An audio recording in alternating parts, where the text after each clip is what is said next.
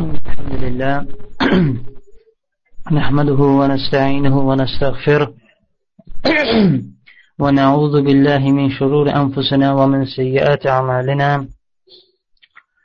من يهده الله فلا مضل له ومن يضلل فلا هادي له. وأشهد أن لا إله إلا الله وحده لا شريك له. وأشهد أن محمدا عبده ورسوله. رب اشرح لي صدري ويسر لي أمري وأحلل عقدة من لساني يفقه قولي أما بعد Əziz, möhtərəm müsəlman qardaşlarım, ilk olaraq özümə və sizə Allahdan qorxmağı tövsiyə edirəm. Keçən dərsimizdə biz elmin fəziləti barədə danışdıq. Bugün isə elmə yələnmək üçün ədəblər və şərtlər barədə danışacağıq. Ümumiyyətlə, bildiyiniz kimi, hər bir şeyin yolu olduğu kimi, Allahın şərəfləndirdiyi bu elmə yələnməyin də yolu var. Elm elə bir şeydir ki, insan ona hər bir şeyini versə, o insana az bir hissəsini verir. Hər hansı bir insan bu elmə yiyələnmək istəyirsə, o zaman dinimizin qoyduğu bu ədəblərə riayət etməlidir. Əgər müsəlman qeyd edəcəyimiz bu ədəblərə riayət edərsə, o zaman bu dünyada və axirətdə həmin elmin faydasını görəcəkdir. Bu ədəblərdən birincisi ixlasdır. Bu ədəb nəinki elm almaqda, hətta hər bir kiçik və böyük ibadətdə olan birinci şərtdir. Özünüz bilirsiniz ki, ibadətin kiçikliyindən və yaxud da böyüklüyündən asılı olmayaraq, əgər o ibadətdə ixlas itərsə, o ibadət nəinki savab, nəinki savaba, hətta günaha, böyük asiliyə belə girir. Elm almaq da bu cürədir. Əgər insan niyyətini xalis eləmirsə, böyük bir savabdan məhrum olur, böyük bir günah qazanmış olur. Həmçinin elm tələbəsi ilk olaraq niyyətini xalis eləməlidir və şeytanı özündən uzaqlaşdırmalıdır. Əgər elm tələbəsi bu yolda niyyətini xalis Allah üçün edərsə, böyük bir savaba nail olmuş olar. Həmçinin bu yolda ona bərəkət verilər və Allahın şərəfləndirdiyi, uzatdığı insanlardan olar. Yox, Allah üçün deyil, başqa niyyətlə bu elmə yələnmək istəyərsə, uca Allah bu elmi öyrətməyi ona nəsib eləmir. Və yaxud da görürsən ki, Allah subhanətələ nəsib eləyir, ancaq qiyamət günü həmin şəxs ondan bəhrələnməyib, əksinə ona görə cəza çəkəcəkdir. Baxın, nə qədər müstəşiklər var ki, Nə qədər kafirlər var ki, İslamı parçalamaq üçün can atıblar, bu elmə yiyələnmək istəyiblər. Və görürsən ki, Allah subhanətə onları nəsib eləyib. Ancaq onların cəzasını həm bu dünyada, həm də görürsən ki, ahirətdə verir. Və yaxud da insana tamamilə nəsib eləmir bu elmi almağı. Ona görə insan ilk olaraq niyyətini xalis eləməlidir. Çünki elmdə ixlas etdikdə ən böyük ibadətdən ən təhlükəli asiliyə keçir. Necə ki, bu barədə Peyğəmbər sallallahu aleyhi və səlləm bizi xəbərdar edərək belə buyurur. Qiyamət günü üç sinif insan ilk olaraq mühakimə olunacaqdır. Yəni, qiyamət günü ilk olaraq cəhənnəmə üç cür insan girəcəkdir. Peyğəmbər sallallahu aleyhi və səlləm bu əzəmətli hədisində onların bizə kim olduğunu bildirir.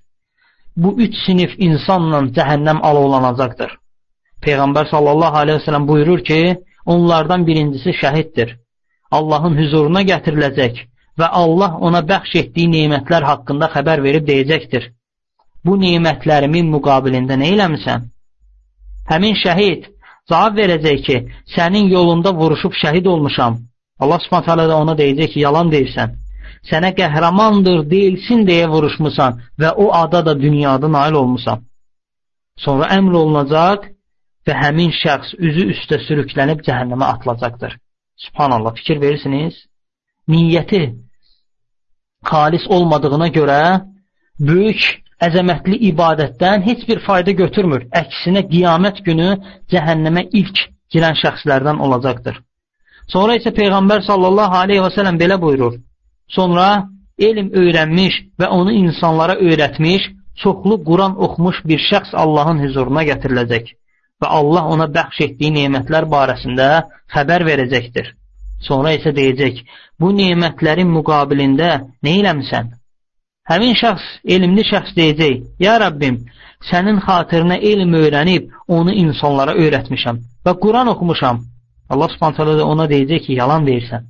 Sənə alimdir, sənə alimdir deyilsin deyinə elm öyrənmisən və sənə qaridir, yəni gözəl oxuyan, gözəl Quran oxuyandır deyilsin deyinə bu elmi öyrənmisən və o ada da, o ada da dünyada nail olmusan. Sonra əmr olunacaq və o üzü üstə sürüklənib cəhənnəmə atılacaqdır.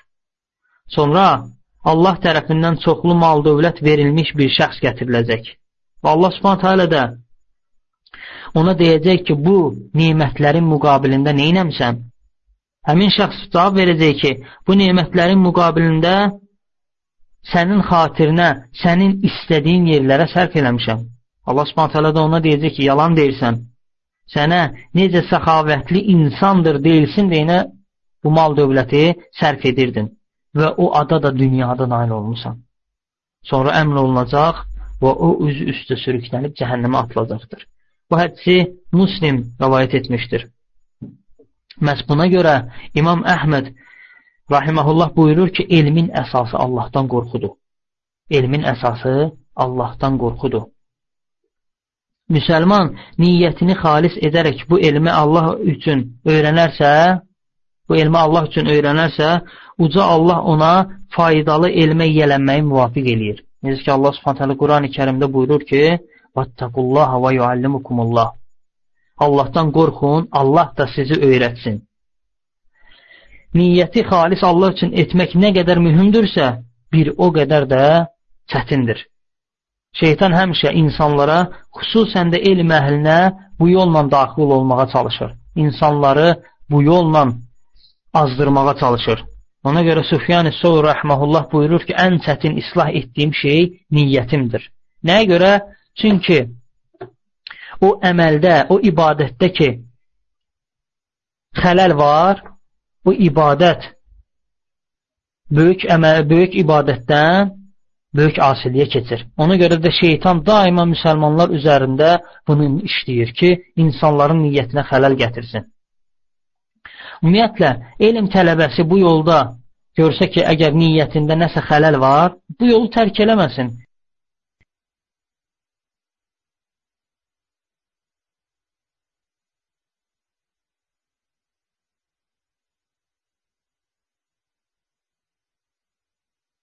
Elm almağa davam eləsin və niyyətini də islah eləsin. İmam Əhməd rahiməhullah buyurur ki, niyyət düzgün olmayın tayı bərabəri yoxdur və əxlaqdır. Yəni, ümumiyyətlə bu mövzuya çox böyük ehtiyacımız var. Yəni, ona görə bu mövzunun üzərində biraz geniş dayanmaq istəyirəm. İnsanların ən xeyirlisi Allahdan ən çox qorxan, sonra isə yüksək əxlaqa malik olan insanlardır. Yüksək əxlaq peyğəmbərlərin və salih insanların sifətlərindəndir bütün insanlar üçün birinci örnək olan Peyğəmbər sallallahu aleyhi və səlləm özü ən yüksək əxlaqa malik idi. Ona görə Peyğəmbər sallallahu aleyhi və səlləm buyurur ki, mən gözəl əxlaqları tamamlamaq üçün göndərilmişəm. Fikir verirsiniz, subhanallah. Gözəl əxlaqları tamamlamaq üçün. Ona baxdıqda onun əxlaqında eyib görə bilmərdin. Eyib görə bilmərsən. Ona görə də sələflər elm öyrənməzdən əvvəl əxlaqı öyrənərdilər. Əxlaqsız elm elə bir duzsuz yeməyə bənzəyir. İsa ibn Həmməd rahiməhullah buyurur ki, məşhur alimlərdən olan Leys ibn Səədin hədis əhlinə çoxlu-çoxlu bu sözlərini dediyini eşitdim. Elmdən qabaq əxlaqı öyrənin. Fikir verirsiniz, elmdən qabaq əxlaqı öyrənin. Ümumiyyətlə, gözəl əxlaqa malik olmağın bir çox faydaları vardır. Bunlardan bəzilərini qısa olaraq xatırlatmaq istəyirəm. Birincisi budur ki, Allahın buyurduğunu yerinə yetirmiş olursan. İkinci, yüksək əxlaqa malik olan şəxsin Allah subhanət hələ dərəcəsini qaldırır. Necə ki, Peyğəmbər sallallahu aleyhi və sələm buyurur, bəndə gözəl əxlaq sayəsində gündüzləri oruz tutub, gecələri namaz qılan kimidir. Üçüncü, qiyamət günü insana ən çox fayda verən əməllərdəndir. Qiyamət günü tərəzidə ən ağır gələn şey gözəl əxlaqdır.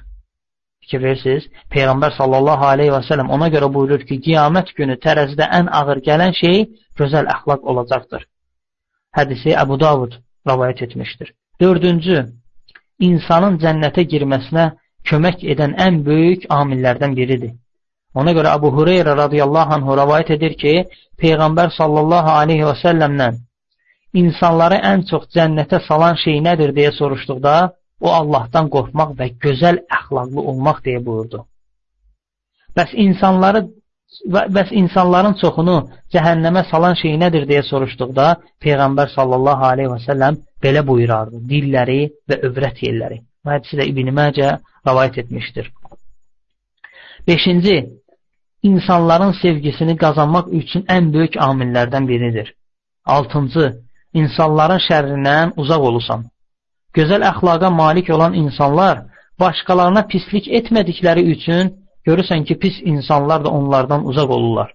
Yettinci, gözəl əxlaqa malik olanların qəlbləri daima rahatdır.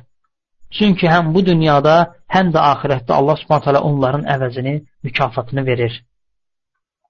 İmam Zəhəbi rəhməhullah qeyd edir ki, İmam Əhmədin məclisinə 5000 və ya ondan da çox adam gələrdi.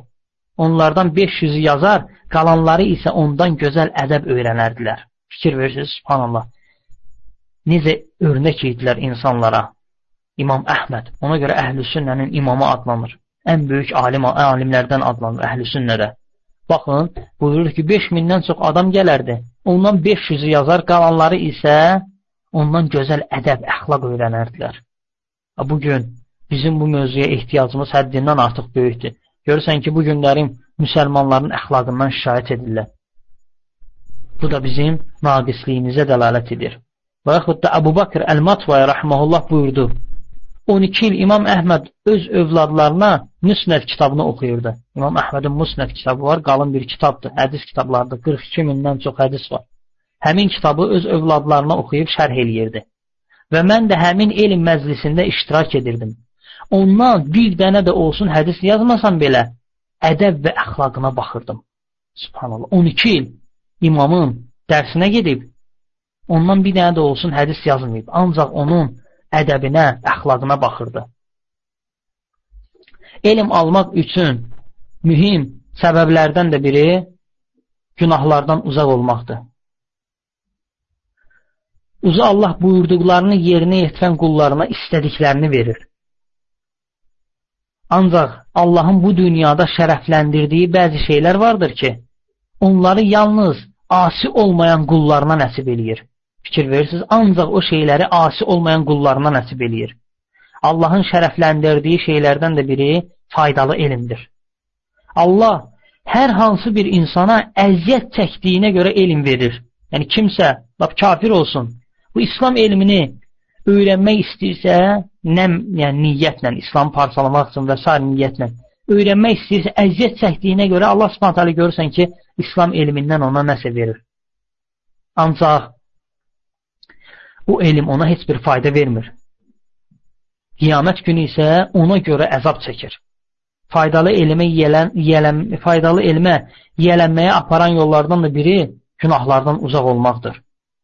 Çünki bu elm nurdur. Allah subhanət hələ bu nuru asi qullarına vermir, müvafiq eləmir.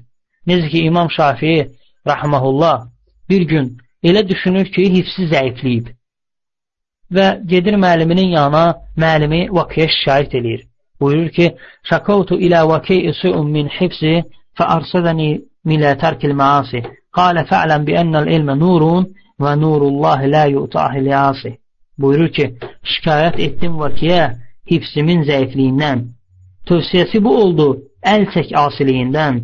Sonra bəyan eylədi, elm deyərlər nura, bil ki, Allahın nuru verilməz asi qula. Fikir verirsiniz, subhanallah. Asi qula verilmir. Ona görə elm tələb eləmək, istə elm tələb edən şəxs niyyətini xalis etdikdən sonra gözəl əxlaqa malik olmalıdır. Həmçinin günahlardan uzaq olmalıdır. Görürsən ki, çox insanlar öyrəndiyi elmi unutduqlarını şikayət edirlər. Xüsusən də görürsən ki, elm tələbələri Quranı unutmalarından şikayət edirlər. Biraz öncə qeyd elədiyim kimi Allaha asi olmaq bu elmin itməsinə səbəb olan ən böyük amillərdən biridir. Ona görə Dahhak ibn Dahhak rahmehullah buyurur ki, kim ki Quranı öyrənib sonra unutmuşsa, bilsin ki, günahlarının ucbatından unudub. Sonra isə bu ayəni oxudu. Və mə asabəkə min və mə asabə min musibətin fəbimə kəsəbət əydikum və ya'fu an kətir. Başınıza gələn hər bir müsibət öz əllərinizlə qazandığınız günahlarının ucbatındandır. Və sonra isə yenə dedi, Quranı unutmaqdan daha böyük müsibət ola bilməz. Fikir versiniz, Quranı unutmaqdan daha böyük müsibət ola bilməz. Bişir ibn el-Haris rahmanullah buyurur ki, əgər elm əhli elm əhli elmi gözəl bilmək istəyirsə, Allaha asi olmasın yəni elm tələb edən şəxs elmi gözəl bilmək istəyirsə, Allaha asi olmasın. Elmə yələnmək üçün ədəblərdən də biri öyrəndiyi elmə əməl eləməsidir. Elmin bərəkətinin itməsinin və yaxud da unutmağının səbəbi öyrənilən elmə əməl etməməkdir. Məhz buna görə də sələflər və sahabələrə fikir verdikdə görərsən ki, onlar öyrəndikləri elmə necə əməl edərdilər. Məşhur və böyük səhabələrdən biri olan Abdullah ibn Məsud radiyallahu anhu belə deyir. Bizdən birimiz 10 ayə öyrəndikdən sonra onların mənasını dərk edib, hökmlərlə əməl etməyincəyə qədər başqa ayə öyrənməzdik. Öyrənərdilər, sonra əməl edərdilər. Elm ilə əməl biri-birinə bağlı olan şeylərdir. Bunlardan biri itdikdə görürsən ki, o biri də itir. O insanda ki, elm var, əməl yoxdur, həmin elm qiyamət günü onların əleyhinə olacaqdır. Müsəlman elm almışsa və o elmə əməl edirsə, demək həmin şəxs faydalı elmə yiyələnmişdir. Yəni, kim ki bilmək istəyir ki, e, o elm ona fayda verir ya yox, əməlinə baxsın. Əgər əməli eləyə bilirsə, əməl eləyə bilirsə, əməlində müvafiqdirsə, demək faydalı elmə yiyələnir. Yox, elm alır, ancaq əməl eləyə bilmirsə, bilsin ki, niyyətində və yaxud da elmin ədəblərində xələli vardır. Ona görə çalışsın ki, özünü düzətsin. Çünki elm nurdur. Onun barı isə əməl eləməkdir. Kimdə ki, əməl varsa, demək elminə fayda verir. Faydalı elm, görürsən ki, insanın üzünə nur, qəlbinə qorxu, və bədəninə isə gözəl əxlaq nəsib eləyir. O şəxs ki, elm alıb əməl etmirsə, həmin insan qiyamət günü Allahın qabağında mühakimə olunacaqdır. Quran və sünnədə elm alıb əməl etməyin vacibliyi barədə həddindən artıq çoxlu dəlillər var. Allah subhanət hələ Quran-ı kərimdə buyurur ki, Yə əyyuhəl-ləzīnə əmənu, limə təqulunə mə lə təfəlun, kəbura məqtən indallahi ən təqulu mə lə təfəlun. Ey iman gətirənlər, Nə üçün siz etməyəcəkləriniz, etməyəcəkləriniz şeyləri danışırsınız? Etməyəcəyiniz şeylərdən danışmağınız Allah tərəfindən böyük bir nifrətlə qarşılanır. Yəni insan əgər etmirsə və onu danışırsa, bu böyük günahdır. Yəni insan çalışmalıdır ki, birinci özü əməl eləsin, sonra insanlara o elmi çatdırsın. Və insanlar da onun bəhrəsini o vaxtı görürlər. Əgər insanlar elm əhlində o elmin əsərini, əlamətlərini görürlərsə, ondan təsirlənirlər. Yox, əgər elm əhli deyirsə, ancaq onun özündə o şeylər yoxdursa, görürsən ki, insanlara da bir o qədər təsir eləmir. Ona görə alimlər ilk olaraq özlərini islah edirdilər. Sonra isə cəmaatı islah eləməyə çalışırdılar. Abdullah ibn Məsud radiyallahu anh rəvayət edir ki, Peyğəmbər sallallahu aleyhi və sələm dedi, qiyamət günü hər bir qul beş şey haqqında cavab verməyincəyə qədər ayağını Rəbbinin hüzurundan çəkməyəcəkdir. Onlar nədir? O beş şey. Ömrünü nəyə sərf etdiyini, cavanlığını necə keçirdiyini, mal dövlətini hardan qazanıb nəyə xərclədiyini və öyrəndiyi elmə necə əməl etdiyini soruşulmayıncaya qədər ayağını Rəbbinin huzurundan çəkməyəcək. Hər hansı bir insan öyrəndiyi elmin yadda qalmağını istəyirsə, ilk olaraq öyrəndiyi elmə özü əməl etməlidir. Ona görə Əli ibn Əbi Talib radiyallahu anhu belə buyurur. Elm əməl ilə cilovlanır, əks halda isə sahibini tərk edir. Əgər əməl elm etmirsənsə, o elm sahibini tərk edir. Ona görə Əbu Darda radiyallahu anhu belə deyir bildiklərinə əməl etməyincəyə bildiklərinə əməl etməyincəyə qədər insan alim olmaz. Fudayl ibn Yad rahmehullah belə buyurur. Elmli kəs bildiklərinə əməl etməyincəyə qədər cahil, bildiklərinə əməl edincə alim olur. Həqiqətən də bu belədir. İnsan öyrənib əməl elədiyi şeyləri unutmur. Məsələn, özümüzdən götürək. Elə zikirlər var ki, biz onu öyrənirik və daima onları deyirik. Görsən ki, o cürə zikirlər bizim yadımızdan çıxmır. Yox, elə zikirlər var ki, görürsən, öyrənirik, ancaq onları təkrar eləmirik və yaxud da işlətmirik, görsən ki, bir müddətdən sonra həmin zikirləri yadımızdan çıxardırıq. Və elm də belədir. Nə qədər əməl olursa, o qədər də insanın zehnində möhkəmlənir elmə yiyələnmək üçün digər səbəblərdən də biri təvazükar, ol təvazükar olmaqdır. Yəni, insan təvazükar olmalıdır və təkəbbürlükdən uzaq olmalıdır. Ümumiyyətlə, təvazükar olmaq müminlərin sifətlərindən, xüsusilə də ilm əhlinin simasıdır. Allah subhanət hələ Quran-ı kərimdə buyurur ki, وَقْفِدْ جَنَاحَكَ لِمَنِ اتَّبَعَكَ مِنَ الْمُؤْمِنِينَ Sənə tabi olan möminləri qanadlarının altına al. Yəni, onlara qarşı təvazükar ol. Təkəbbürlü olmaq isə yalnız Allah Subhanahu taala yaraşır. Məs buna görə Allah Subhanahu taala insanlara təkəbbürlü olmamağı qadağan edir. Təkəbbürlü olan insanlara Allah Subhanahu taalanın qəzəbi tutur. Necə ki Allah Subhanahu taala Qurani-Kərimdə buyurur ki: "Və la tusa'ir xaddaka lin-nasi və la tamshi fil-ardı marha. İnnallaha la yuhibbu kulla muxtalin fakhur." İnsanlardan təkəbbürlə üz çevirmə. Yer üzündə də özünü darta-darta gəzib dolanma. Həqiqətən Allah heç bir özündən razı qalanı, özünü öyəni sevmir. Peyğəmbər sallallahu aleyhi və səlləmdən də bu xüsusda həddindən artıq çoxlu hədislər varid olub. Bunlardan bir ikisini xatırlatmaq istəyirəm. Abdullah ibn Ömər radiyallahu anhu rəvayət edir ki, Peyğəmbər sallallahu aleyhi və səlləm dedi, kim özünü dartarsa, yaxud lovğa-lovğa gəzərsə, qüdrətli və əzəmətli Allahın hüzuruna Allahın ona qəzəbi tutduğu halda gələr. Fikir verirsiniz? Həmin insan qiyamət günü Allahın qəzəbına düçar olaraq gələcəkdir. Hədisi İmam Buxari Ədəb-ül Mufrad kitabında rəvayət etmişdir. Əbu Səid el-Xudri və həmçinin Əbu Hüreyrə radiyallahu anhuma Peyğəmbər sallallahu aleyhi və səlləmdən belə rəvayət edirlər. Peyğəmbər sallallahu dedi, qüdsi hədisi, ona görə Allah subhanət buyurur, İzzət və təkəbbürlük mənim libasımdır. Kim bunlardan birinə şərik olmaq istəsə ona əzab verərəm. Bu hədisi də Buxari Ədəbül Mufrad kitabında rəvayət etmişdir. Mücahid rahiməhullah buyurur, nə utanan, nə də təkəbbürlü olan şəxs elmə yiyələnə bilməz. Nə utanan şəxs, nə də ki, təkəbbürlü olan şəxs elmə yiyələnə bilməz. Nəyə görə? Çünki utanan şəxs utandığından bilmədiyi şeyləri şeyxdən soruşmayacaqdır. Və elmə yerlənə bilməyəcək. Həmçinin təkəbbürlü olan da şəxs təkəbbürlüyündən soruşmayacaq, o da elmə yiyələnə bilməyəcək. Ona görə Mücahid Rahimahullah buyurur ki, nə utanan, nə də təkəbbürlü olan şəxs elmə yiyələnə bilməz. Fudayl ibn İyad Rahimahullah buyurur ki, Uca Allah təvazükarlıq edən elm əhlini sevər. Özündən razı olan elm əhlinə isə nifrət eləyər.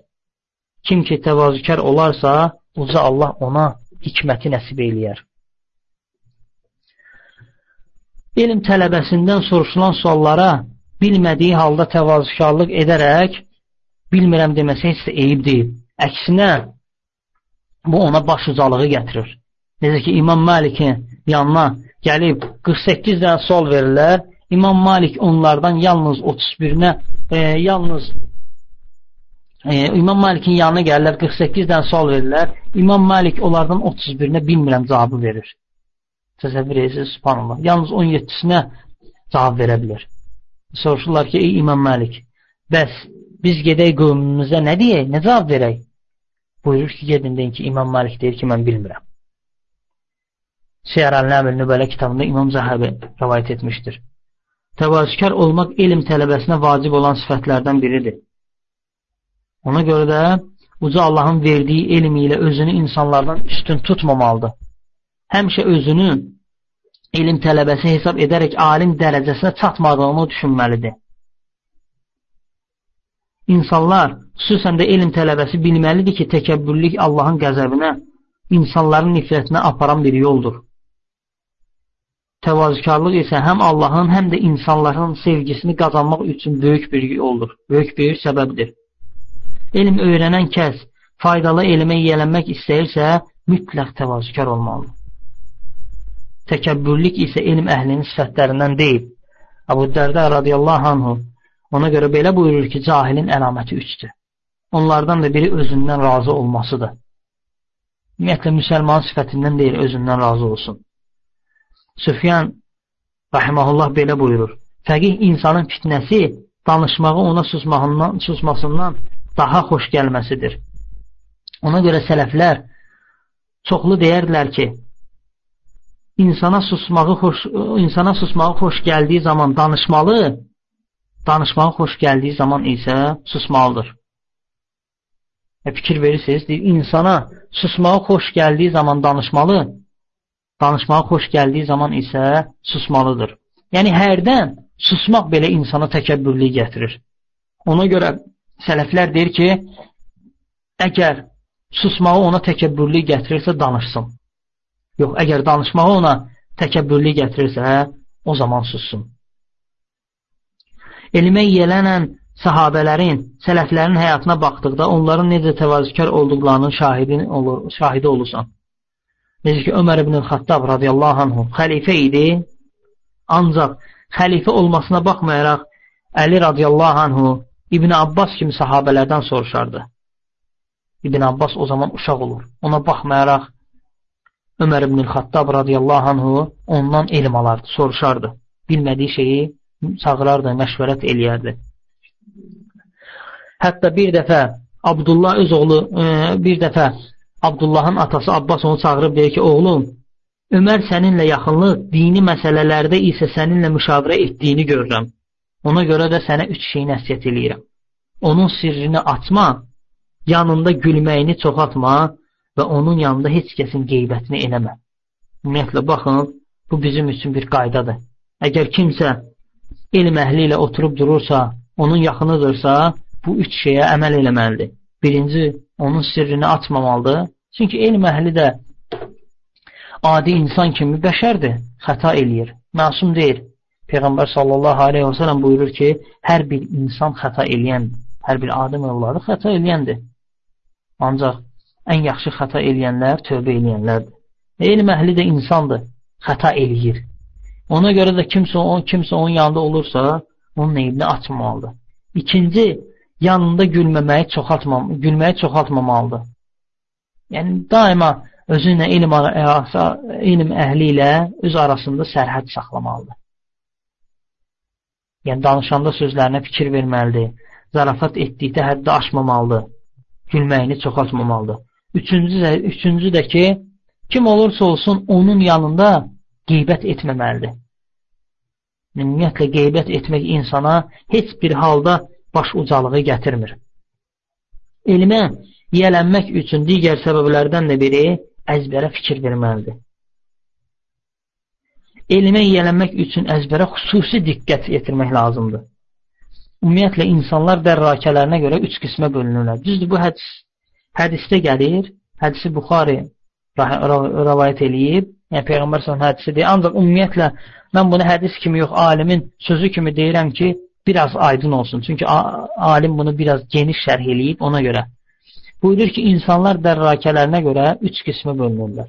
Birinci qism odur ki, hibs və fahmə malik olan insanlardır. Yəni, birinci qism odur ki, Allah subhanətələ onlara həm hibs verib, həm də fəhim verib. Görün sonra, subhanallah, ibrətli misala baxın. Görün, Peyğəmbər sallallahu aleyhi və sələm o cürə insanları nəyə bənzədir? Buyurur ki, o cürə insanlar o torpağa bənzəyir ki, yağış yağdıqda o torpaq özündən bitki yetirir. Yəni yağış yağır və torpaq bitki çıxardır. Bitkilər bitir ondan. Və həmin Allahın hifz və fəhm verdiyi insanlar da o torpağa bənzəyir. İkinci qism odur ki, Allah Subhanahu hifz verib, ancaq fəhm verməyib. Hifzi var, öyrənirlər, əzbərləyirlər. Ancaq fəhmləri yoxdur. Yəni fəhmləri nisbətən zəifdir. O cürə insanları da nəyə, nəyə bənzədir Peyğəmbər sallallahu aleyhi və səlləm? O torpağa bənzədir ki, yağış yağanda bitki vermir, ancaq suyu özündə saxlayır. İnsanlar da gəlir həmin sudan bəhrələnirlər. Bitki çıxartmasa belə, ancaq öz suyu özündə saxladığına görə insanlar gəlib ondan bəhrələnirlər. Üçüncü qism o insanlardır ki, Allah Subhanahu taala elə bir onlara müvafiq eləməyib. Nə bir nə hifsi, nə də ki fəhmi. O insan da o torpağa bənzəyir ki, nə suyu özündə saxlayır, nə də ki bitki çıxardır. Yəni yağış gəlir, elə axır gedir. Faydası yoxdur o torpağın. O cürə insanların da faydası yoxdur. Ümumiyyətlə sələflərin çoxlu elmə yiyələnməklərinin səbəblərindən də biri xüsusilə də əzbərə diqqət yetirmələridir. Bir şeyi əzbərlədikdə onu mükəmməl şəkildə öyrənərdilər. Mücahid rəhməhullah buyurur ki, Məsləmə İbni Məxlədin arxasında namaz qıldım. Bəqərə surəsini oxudu. Bəqərə surəsi 286 ayədir. Buyurur ki, Bəqərə surəsini oxudu, hətta vav və əlif hərflərində belə xəta etmədi. Yəni, vav və əlif hərfləri elə bir ki, uzadan hərfdir, məd hərfləridir. Subhanallah, fikir verin ki, Bəqərə surəsini oxuyur, 200, 200-dən çoxdur, 208 səhifədir, səhv eləmirəmsə. 200-dən çox oxuyur, ancaq uzatmada belə xəta eləmir. Gör, necə hifsə malik idilər, necə hifsə fikir verərdilər. Və yaxud da Əməş, rahiməhullah, Quranı oxuduqda bir xəta olsun belə hifsə, xəta eləməzdi. Bir hərf olsun belə xəta eləməzdi. Bütün Quranı başdan ayağa qədər oxuyurdu əzbərdən. Bir hərfdə belə xəta eləməzdi. Əbu Darda rahiməhullah buyurur ki, İshaq hifzindən e, İshaq hifzindən bizə 11 min hədisi əzbər danışdı. Sonra da onu bizə kitabından oxudu.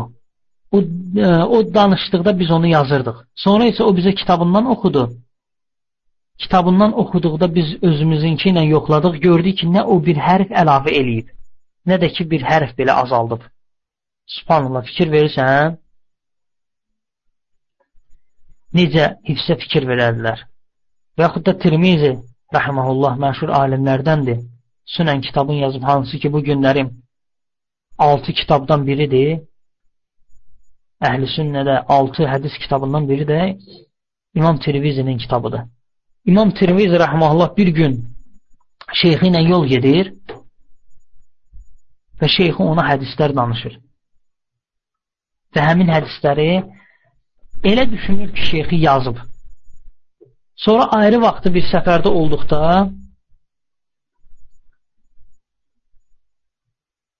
e, Tirmizi şeyxinə buyurur ki, şeyx, o hədisləri mənə danışarsan təzdən şeyxin də əlində, e, Tirmizinin də əlində vərəqlər olur. Şeyxi də biraz ondan aralıda oturur və Tirmizi məşhur elm tələbəsi olduğuna görə şeyx razı olur ki, buna hədisləri danışsın. Və elə düşünür ki, Tirmizinin əlində olan vərəqlər də yazdıqlarıdır. Şeyx başlayır bütün hədisləri bir-bir buna danışmağa. Və Tirmiz də əlindəki vərəqlərə baxır. Şeyx bütün hədisləri danışıb qurtardıqdan sonra vərəqləri belə əyir, gör ki, Tirmizin əlindəki vərəqlər boşdur və hirslənir. Deyir, subhanallah, sən məni dolamısan, gör neçə saatdır, nə qədər vaxtdır mən sənə hədis danışıram. Elə düşünürəm ki, sən yazmısan, onları yoxlayırsan. Mən ona görə bir sənə danışdım. Tirmizi qayıdıb bir ki, şeyx, artıq mən onları əzbərlədim. Şeyx buyurur, buyurur ki, danış.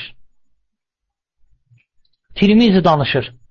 və bir hərfdə olsun belə xəta eləmir. Necə ki, Siyar Ələmin Nübələ kitabında İmam Zəhəbi buyurur. Buyurur ki, bir hərf olsun belə xəta eləmir. Sonra isə şeyx buyurur ki, yox, ola bilsin, sən bura gəlməmişdən qabaq əzbərləmisən. Əzbərləyib bura gəlmisən ki, mən səni tərifliyim. Hirsi soymur. Şeyx deyir ki, indi sənə ayrı hədisləri deyəcəm. Görüm onları da mənə əzbər deyə biləcəksən. Şeyx başlayır oxşar və uzun hədisləri buna deyir. Çoxluğuna qədər. Dedikdən sonra isə Tirmiz onların hamısını bir-bir özünə qaytarır. İmam Zəhəbi rəhməhullah buyurur ki, sizə bərəkət versin. Baxın, subhanallah, necə elmə yiyələnmək üçün ədəblərdən istifadə edirdilər, hifzə fikir verirdilər. E, inşallah gələn dərsimizdə tamamlayaraq, şəhətlər həddindən artıq çoxdur. Yəni, Allah subhanət hələdən istəyirəm ki, bizi eşidib faydalananlardan eləsin. Bizə həm bu dünyada, həm də axirətdə fayda verən elm nəsib eləsin. Və sallallahu alə nəbiyyina Muhammed